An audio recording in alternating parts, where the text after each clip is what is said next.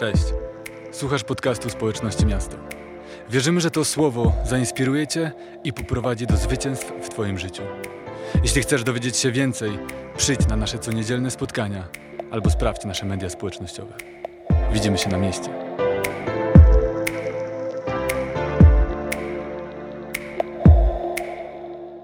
Witam Was bardzo serdecznie, kochani.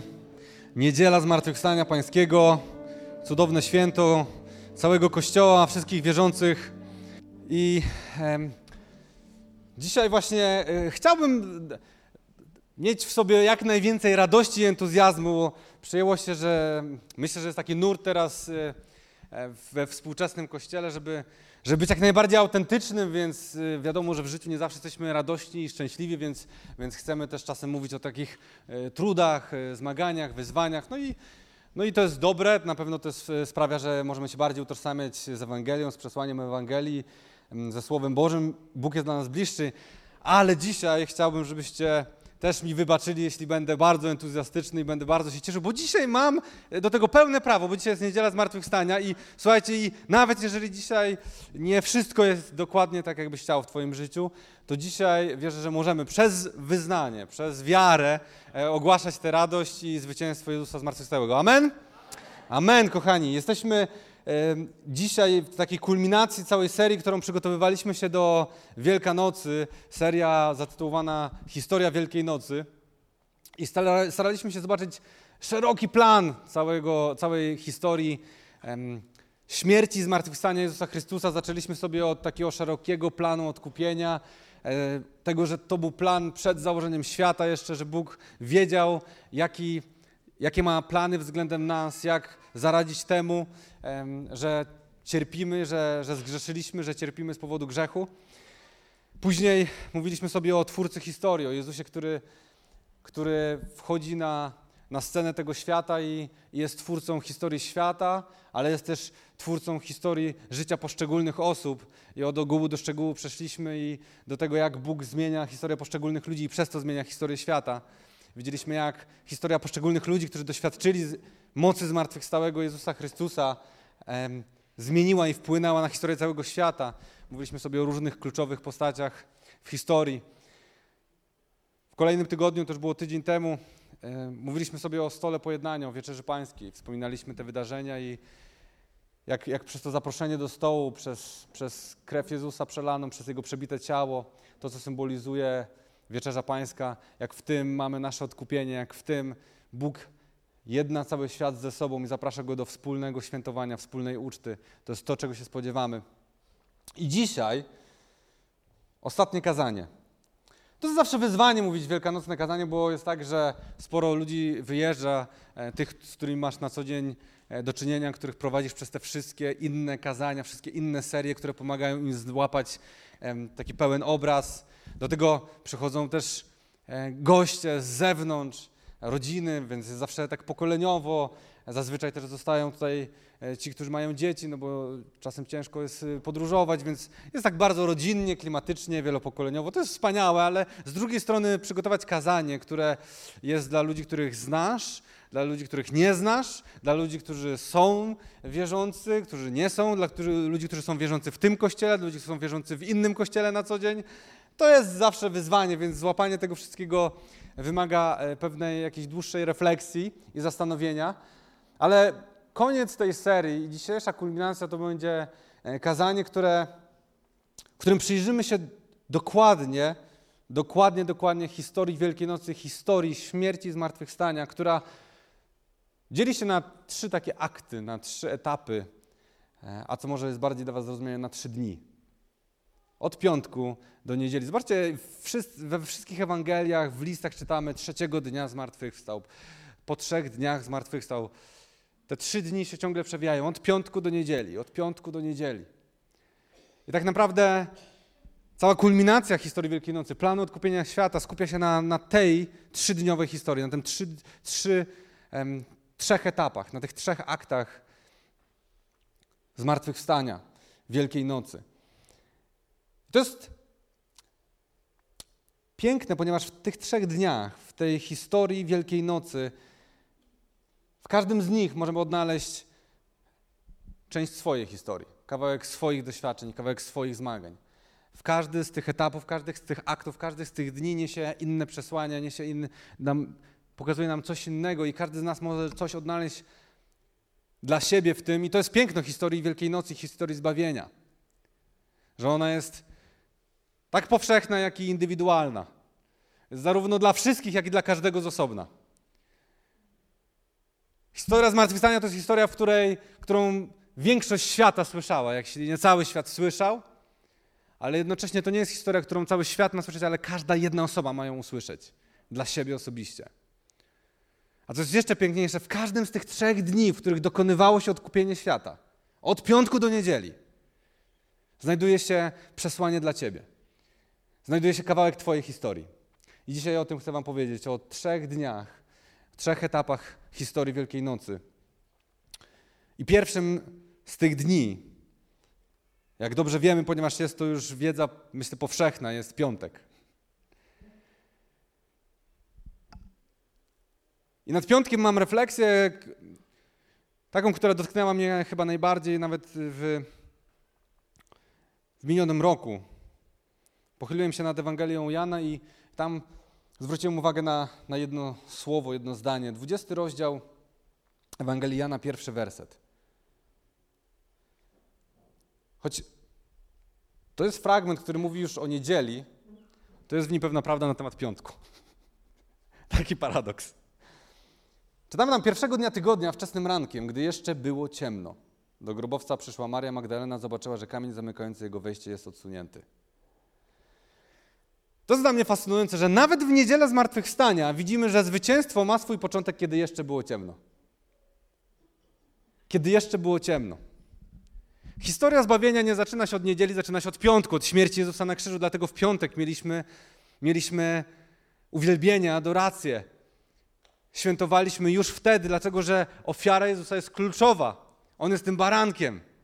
Ale to jest jednocześnie moment śmierci, w którym w którym Jezus jest oddzielony od Ojca przez grzech, przez nas, na, nasz grzech. Nasza historia zbawienia zaczyna się od ciemności grzechu. Od ciemności grzechu i nawet ewangelista Jan, pisząc o niedzieli, mówi: Niedziela zmartwychwstania zaczyna się wtedy, kiedy jeszcze było ciemno. Kiedy jeszcze było ciemno. Tam się zaczyna i, i zobaczcie, Początkiem cudownego zwycięstwa i zmartwychwstania jest ciemność grzechu. W Rzymian 5 rozdział 18-21 czytamy, a zatem jak jeden upadek doprowadził do potępienia wszystkich ludzi, upadek pierwszych ludzi, tak jeden akt sprawiedliwości przyniósł wszystkim ludziom życiodajne usprawiedliwienie, śmierć Jezusa na krzyżu.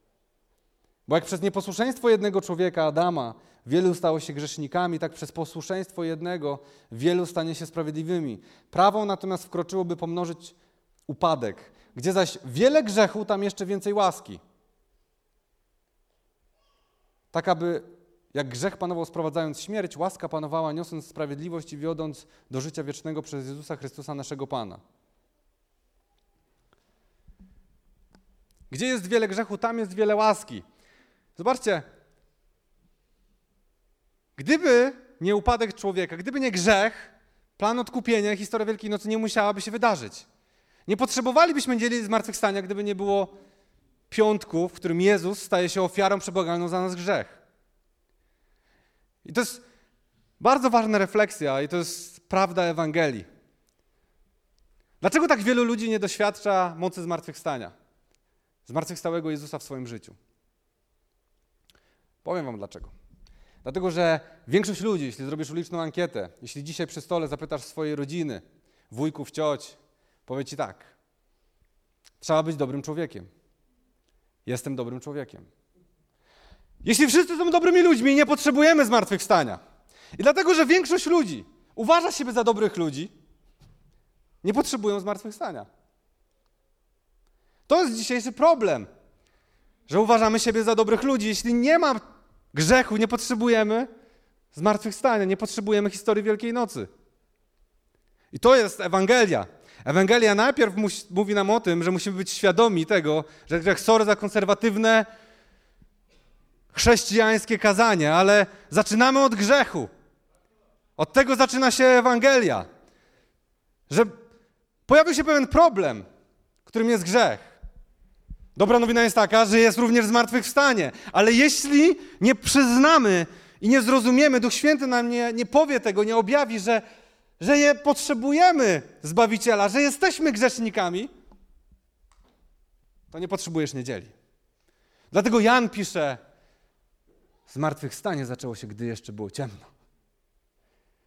Zmartwychwstanie i światłość wyszła z ciemności. Z ciemności grzechu, z ciemności grobu, z ciemności śmierci. Stamtąd wydobywa się światło, stamtąd Jezus wychodzi jako zwycięzca. Dopóki ludzie nie będą rozumieli, że nie są dobrymi ludźmi, że wszyscy zgrzeszyli i są pozbawieni chwały Bożej, nie będą doświadczać zmartwychwstania. Nie ma nawrócenia bez świadomości grzechu. Ale co jest dobrą nowiną? Paweł pisze, gdzie jest wiele grzechu, tam jest jeszcze więcej łaski. To świętujemy. To nie jest kazanie, w którym masz, tak, jestem złym, strasznym grzesznikiem. No jesteś, ale tam, gdzie jest ten twój zły, straszny grzech, jest jeszcze więcej łaski i nadziei w Jezusie Chrystusie. Amen? To jest niedziela zmartwychwstania. Ale ona zaczyna się od piątku, w którym grzech musi zostać przybity do krzyża. Jak nie masz grzechu, to rzeczywiście bez sensu jest to wszystko świętować. Myślę, że to jest problem, że patrzymy na jakichś zbrodniarzy i porównujemy się do nich i stwierdzamy, jestem dobrym człowiekiem, nie potrzebuję. Ja, ja to chyba nie jestem kimś, kto zasługuje na karę. Wszyscy zasługujemy na tą karę. Nikt z nas nie żyje bezbłędnym, doskonałym życiem. Bezbłędnym, doskonałym życiem.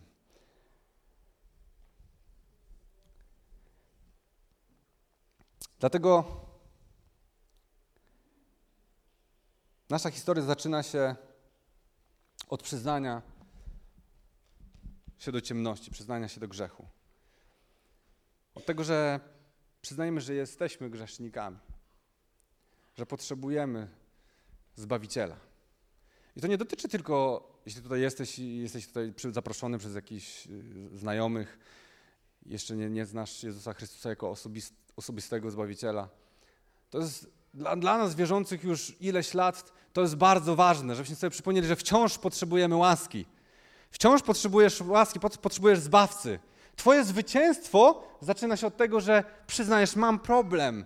Sam z siebie nie, nie, nie żyję swoją mocą, ale żyje we mnie Chrystus zmartwychwstały. Jego moc we mnie żyje. Od tego zaczyna się nasza siła, nasz autorytet w Nim. Potrzebujemy sobie to przypominać i dzisiaj możemy sobie to przypomnieć. Że w historii Wielkiej Nocy ten pierwszy akt zawsze zaczyna się od tego, że nie moją mocą, ale Jego mocą. Nie moja świętość, Jego świętość. Nie moja godność, Jego godność. To musi być początek naszego życia z Bogiem. I w tym jest wspaniała nadzieja, dlatego że Bóg już od, już, już od wieków zapowiadał, że choćby Twój grzech był jak szkarłat, nad śnieg wybieleje. Ale musisz przyznać, że, że był jak ten szkarłat, że, że jesteś usyfiony tym swoim zachowaniem, swoimi myślami, swoimi błędami. Nie próbuj tego wyrzucić.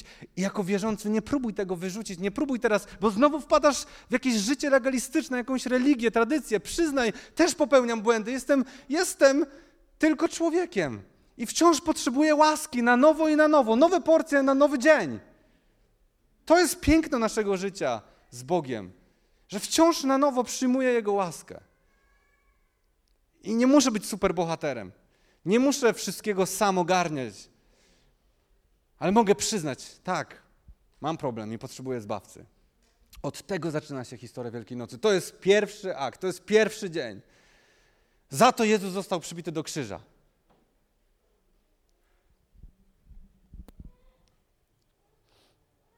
Drugi akt, dzień drugi, sobota. To jest dzień czekania. Uczniowie doświadczyli tragicznego wydarzenia. Ich, ich mistrz, ich nauczyciel, ich przywódca został im zabrany. Został złożony do grobu, oni się rozpierzchli, w sobotę są w ukryciu i to jest dzień szabatu, nic nie można robić, nic nie robią, więc siedzą i, i z tymi wszystkimi myślami się mierzą. Z, tymi, z, tym, z tym czekaniem, co, co właściwie, się, właściwie co się wydarzyło i dokąd my zmierzamy, co się wydarzy za chwilę po szabacie, kiedy wszyscy wyjdą, zaczną coś robić i będzie się trzeba zmierzyć z tym, co się wydarzyło tuż przed szabatem. Najgorzej. W piątek zapowiedzieli w twojej pracy, że będą zwolnienia, a ty w sobotę i niedzielę siedzisz w domu i myślisz, czy będziesz wśród tych, którzy będą zwolnieni. Mniej więcej tak, tylko razy sto albo tysiąc. Tak to musiało być.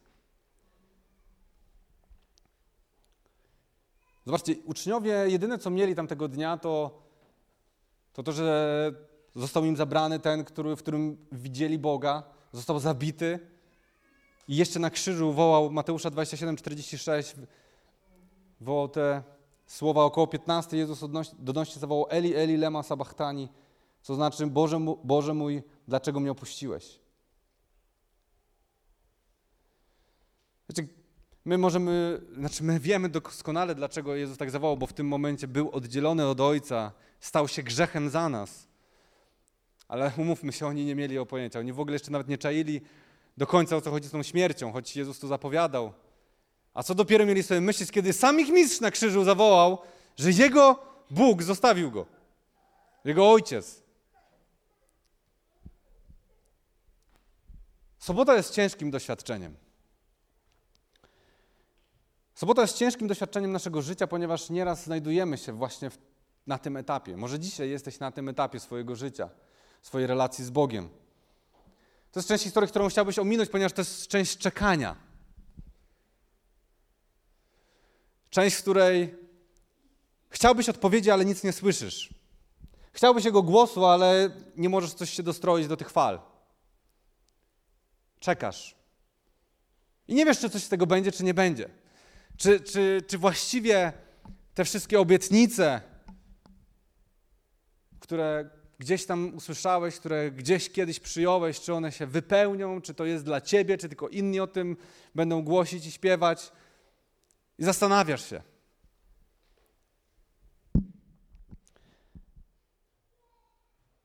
Ale chcę Wam powiedzieć, że sobota, tak jak każdy dzień tej historii, jest nam potrzebny. Potrzebujemy tego etapu historii. Potrzebujemy tego, tego dnia w naszym życiu. Bo sobota to jest ten etap naszej drogi z Bogiem, w którym uczymy się, czym jest nadzieja. Sobota to jest ten dzień, w którym uczymy się też, jak zmieniać naszą nadzieję w wiarę. W Rzymian 8 rozdziale 24-25 czytamy z taką właśnie nadzieją zostaliśmy zbawieni. Nadzieja, której spełnienie się widzi, właściwie nie jest nadzieją. Bo kto żyje nadzieją na to, co już się spełniło? Ale jeśli spodziewamy się tego, czego jeszcze nie widać, to oczekujemy tego z całą wytrwałością. Paweł tutaj robi ciekawy zabieg, ponieważ pisze o nadziei, ale tak naprawdę daje nam już do zrozumienia, że ta nadzieja musi zmienić się w wiarę. Musi zmienić się w spodziewanie, w oczekiwanie, w pewność tego, czego jeszcze nie widzimy. Mamy wierzyć w to, czego nie widzimy. Tego się uczymy. Paweł już to rozumie, dlatego że on żyje już po rzeczywistości zmartwychwstania, po rzeczywistości wylania Ducha Świętego. On nam to pisze. To jest nasz wielki przywilej.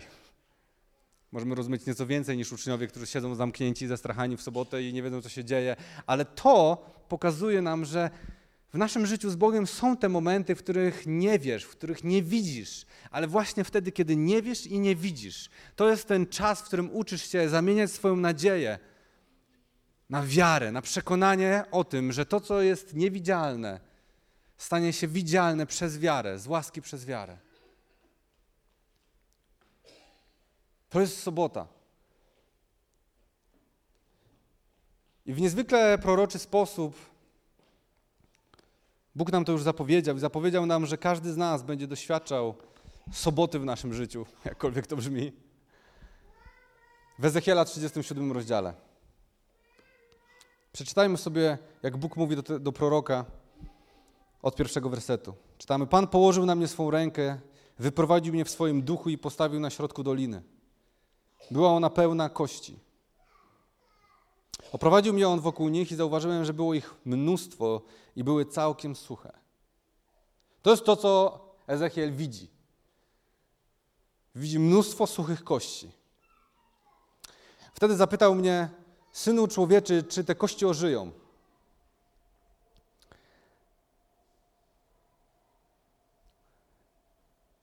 Odpowiedziałem, Wszechmocny Panie, Ty wiesz. To jest pozytywne tłumaczenie. Jest jeszcze tłumaczenie, w którym um, czytamy, że Ezechiel mówi, nie wiem, Panie.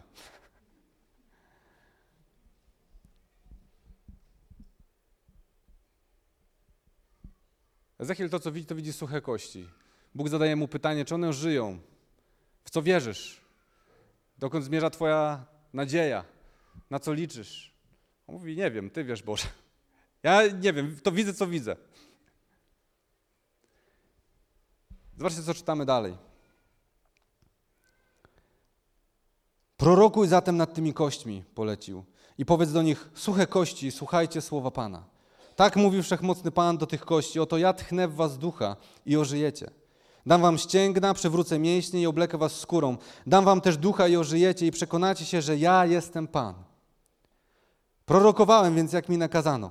A gdy prorokowałem, usłyszałem dźwięk grzechotania, to kości łączyły się jedna z drugą.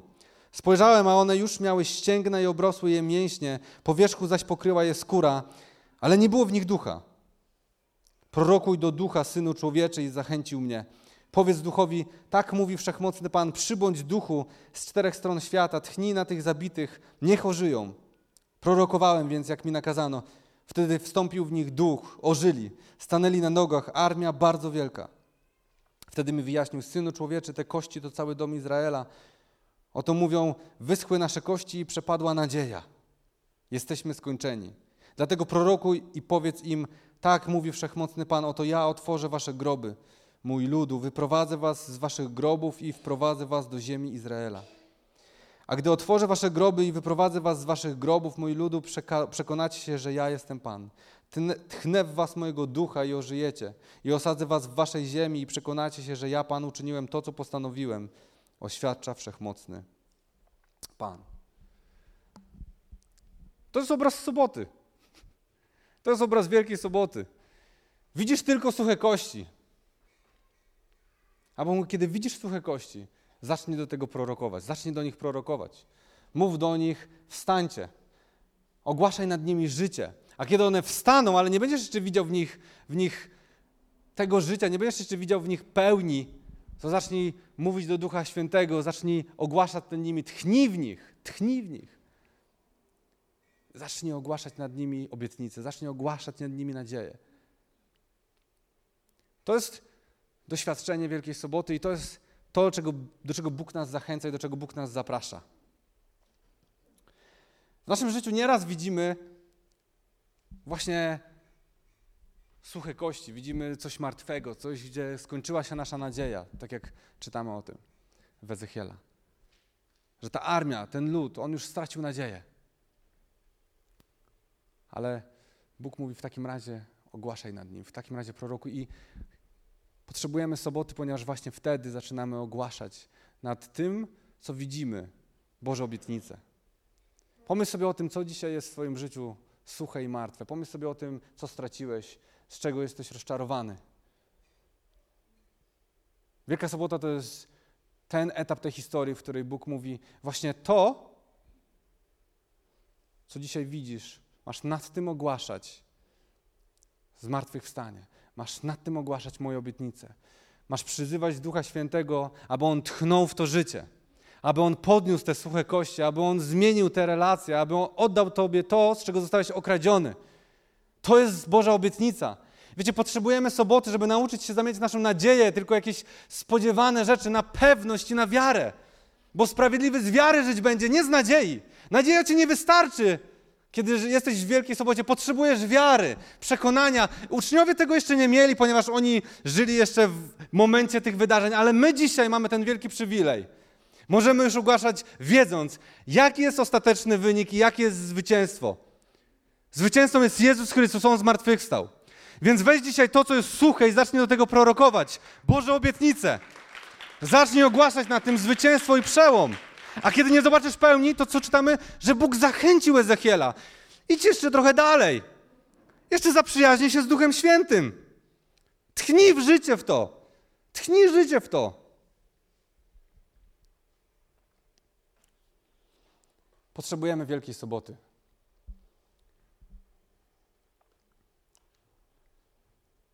Ostatnim dniem jest Dzień Zmartwychwstania.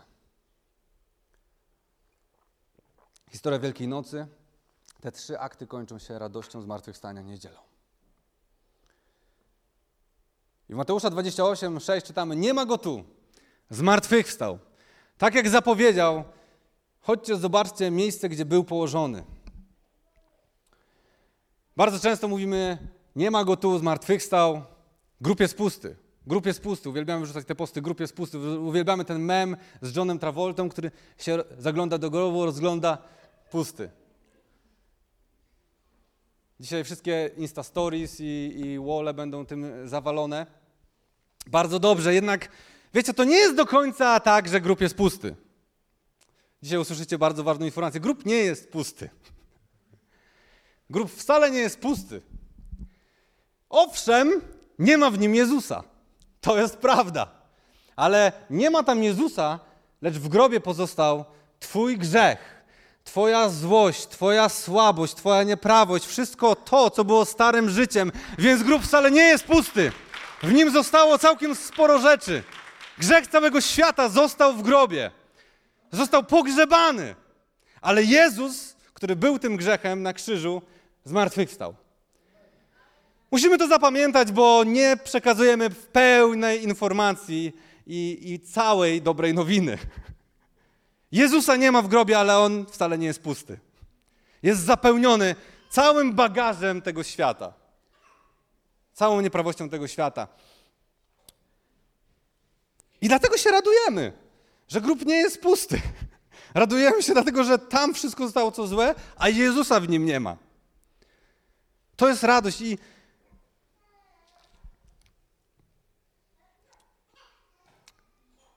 Myślę, że wciąż brakuje nam świadomości piątku, dlatego niedziela nie jest pełna. Jeśli w pełni zrozumiemy, że naprawdę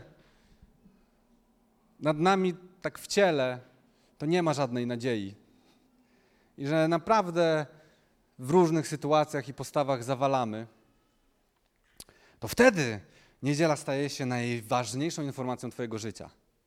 Wtedy ona staje się naprawdę dobrą nowiną. Bo okazuje się, że naprawdę wiele zostało w tym grobie, ale Jezus cię z tego uwolnił. Myślę, że dlatego potrzebujemy każdego z tych dni. Potrzebujemy doświadczenia piątku, zrozumienia, że to wszystko zaczyna się od świadomości grzechu i tego, że naprawdę potrzebujemy przebaczenia, które dokonało się na krzyżu. Że potrzebujemy wiary i tam, gdzie jeszcze nie widzimy tego zmartwychwstania, nie widzimy zwycięstwa, potrzebujemy wierzyć w to, że Bóg jest wierny. I skoro był wierny i Jezus powstał z grobu, to będzie wierny i to, co jest martwe w naszym życiu, również powstanie do życia. I wtedy potrzebujemy niedzieli, w której potrzeba nam radości. Wtedy zrozumiemy, że mamy powody do radości, mamy powody do prawdziwego szczęścia, szczęśliwości wołania Aleluja i tak dalej. I chcę wam powiedzieć, ja rozumiem, Duch Święty nie jest radością. Zmartwychwstanie nie, jakby w sensie samo wydarzenie zmartwychwstania nie jest radością, nie jest uczuciem, o tak, nie jest uczuciem. Ale czytamy takie słowa w Rzymian 8:11. Jeśli zaś mieszka w was duch tego, który wzbudził Jezusa z martwych, to ten, który przewrócił do życia Jezusa Chrystusa ożywi również wasze śmiertelne ciała przez swego ducha, który mieszka w was. To znaczy, ja rozumiem, że Duch Święty nie jest uczuciem. Że teraz ciężko ci powiedzieć, że ja ci coś mówię i ty teraz masz mieć to uczucie radości więc może nie, nie masz jakiegoś powodu do radowania się, świętowania. Jednak, jak czytamy, że duch tego, który wzbudził Jezusa z martwych, zamieszka w nas. Duch Święty nie jest uczuciem, ale on może zamieszkać w tobie. On może, i skoro on wzbudził Jezusa z martwych, może wzbudzić również w tobie nowe życie. Może wzbudzić nowe nadzieje, nowe perspektywy nowy sposób myślenia. On ożywi nasze śmiertelne ciała przez swego ducha. Taka jest obietnica. Musimy się tego uchwycić. Bo jeśli się tego nie uchwycimy, będziemy cały czas przetrawiali informacje co roku. Będziesz zjadał te jajka, kiełbasę i jadł ten żurek i będziesz trawił informacje. Był piątek, jest niedziela, Jezus zmartwychwstał. Teraz dodali mi informację, że grób nie jest wcale pusty, bo jest tam mój grzech. Super. Ale Paweł pisze, to się zmieni. Dlatego, że ten, który wzbudził Jezusa z martwych, a więc dokonało się coś, co się nie dokonało nigdy wcześniej i nigdy później, a więc z martwych wstanie, ten sam duch, on tchnie i ożywi Twoje ciało. Tchnie i ożywi Ciebie. Tego się musimy uchwycić. Bo ja, kochani, tak jak Wy wszyscy, mam swoje ciężary, mam swoje wyzwania, mam swoich dwóch małych synów, którzy włażą na mnie, męczą mnie, krzyczą i robią różne wszystkie rzeczy, które robią małe dzieci. I mam swoją pracę, swoje finanse, swoje wyzwania w każdym temacie, w którym wy się zmagacie. Żyję dokładnie tak, jak większość z was. I tak samo muszę wziąć ten werset, powiedzieć, nie chcę tylko informacji, ale chcę Duchu Święty. Doświadczyć tego samego, zmartwychwstania w moim życiu. Chcę podniesienia. Chcę, żebyś Ty przez swoją obecność we mnie ożywił mnie i dał mi doświadczenie radości. Nie chcę tylko słuchać o tym, że Jezus zmartwychwstał i wpisywać takie posty na Facebooku i wysyłać ludziom życzenia Aleluja. Czy naprawdę jest w Tobie Aleluja? Tak, no to dobrze, no to, to zawołajmy Aleluja. To wołajmy, to ogłaszajmy to. To uśmiechajmy się, dzisiaj chociaż. Dzisiaj chociaż, bo ja wiem, że mój syn za chwilę będzie płakał, będzie mi się tarzał po ziemi, będę chciał iść z nim na spacer, a on nie będzie chciał, ale potem będzie chciał. Ja to rozumiem wszystko. A dzisiaj rano z moją żoną też miałem spinkę. To jest normalne. Ale chcę właśnie w tym wszystkim uchwycić się tego, że ten sam duch, który wzbudził go z martwych, może wzbudzać mnie z martwych, z tego zmęczenia, z tej frustracji, z jakiejś złości, z moich złych postaw. I jest łaska nade mną i łaska cały czas. I On jest w obfitości dany mi cały czas, cały czas mogę z Niego brać. To jest, to jest doświadczenie, to jest to, czego potrzebujemy. To jest niedziela zmartwychwstania. I nie potrzebujesz jej tylko raz w roku, potrzebujesz jej codziennie, dzień po dniu, dzień po dniu, dzień po dniu. Ten, który wzbudził go z martwych, wzbudza mnie z martwych. Cała śmierć, złość, to wszystko, co jest we mnie, zostało pokonane. Nie potrzebujesz tego tylko, jeśli jesteś nienawrócony. Potrzebujesz tego jako nawrócony. O tak, potrzebujesz tego bardzo mocno. Znam was. Kurczę, jak ja was znam. Rozmawiam z wami.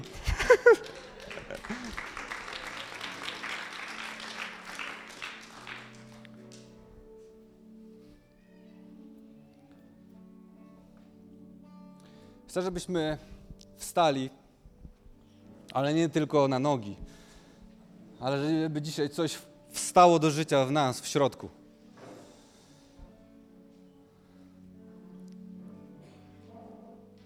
Jest jedna różnica w przeżywaniu historii Wielkiej Nocy względem tego, jak przeżywali ją bohaterowie biblijni. Bo owszem, możemy dostrzec w każdym z tych etapów jakiś kawałek swojego życia, całe spektrum różnych zmagań, ale nie przeżywamy tego tak jak oni. Jest jedna różnica, która sprawia, że całe to chrześcijaństwo jest takie halleluja, chwała Panu, halleluja i tak dalej, i raduj się w Panu. Tą różnicą jest to, że nas już nic nie zaskakuje. Jego zmartwychwstanie nie jest żadnym zaskoczeniem. Od dwóch tysięcy lat wiemy to samo. On zmartwychwstał. I to sprawia, że już nie musisz przeżywać tego tak jak bohaterowie biblijni. My już nie musimy chodzić jeszcze w tym takim, a czy coś będzie, czy nie będzie. Możemy przez wiarę brać to, brać to garściami, chwytać się tego po prostu jak tonący koła ratunkowego. Chwytać się tego i implementować do naszego życia. Jest zasadnicza różnica. My już wiemy, on zmartwychwstał, On zwyciężył śmierć. To znaczy, że to, co jest dzisiaj śmiertelne, to, co jest słabe w Twoim życiu, to też jest już pokonane. Więc możemy dzisiaj podnieść swoje ręce, podnieść swoje nogi, jeśli potrafisz, i po prostu wołać. Dzięki Ci, Jezu! Zmartwychwstałeś! Halleluja! Jesteś dobrym Bogiem! Pokonałeś śmierć! Kochasz nas! Kochasz nas! Zwyciężyłeś! A my zwyciężyliśmy z Tobą i skoro On został wzbudzony z martwych, to i my będziemy, to i my jesteśmy każdego dnia podnoszeni ze śmierci do życia, ze słabości do siły, z ciemności do światłości. To jest nasza nadzieja, to jest Ewangelia i nią chcemy żyć. Amen? Come on!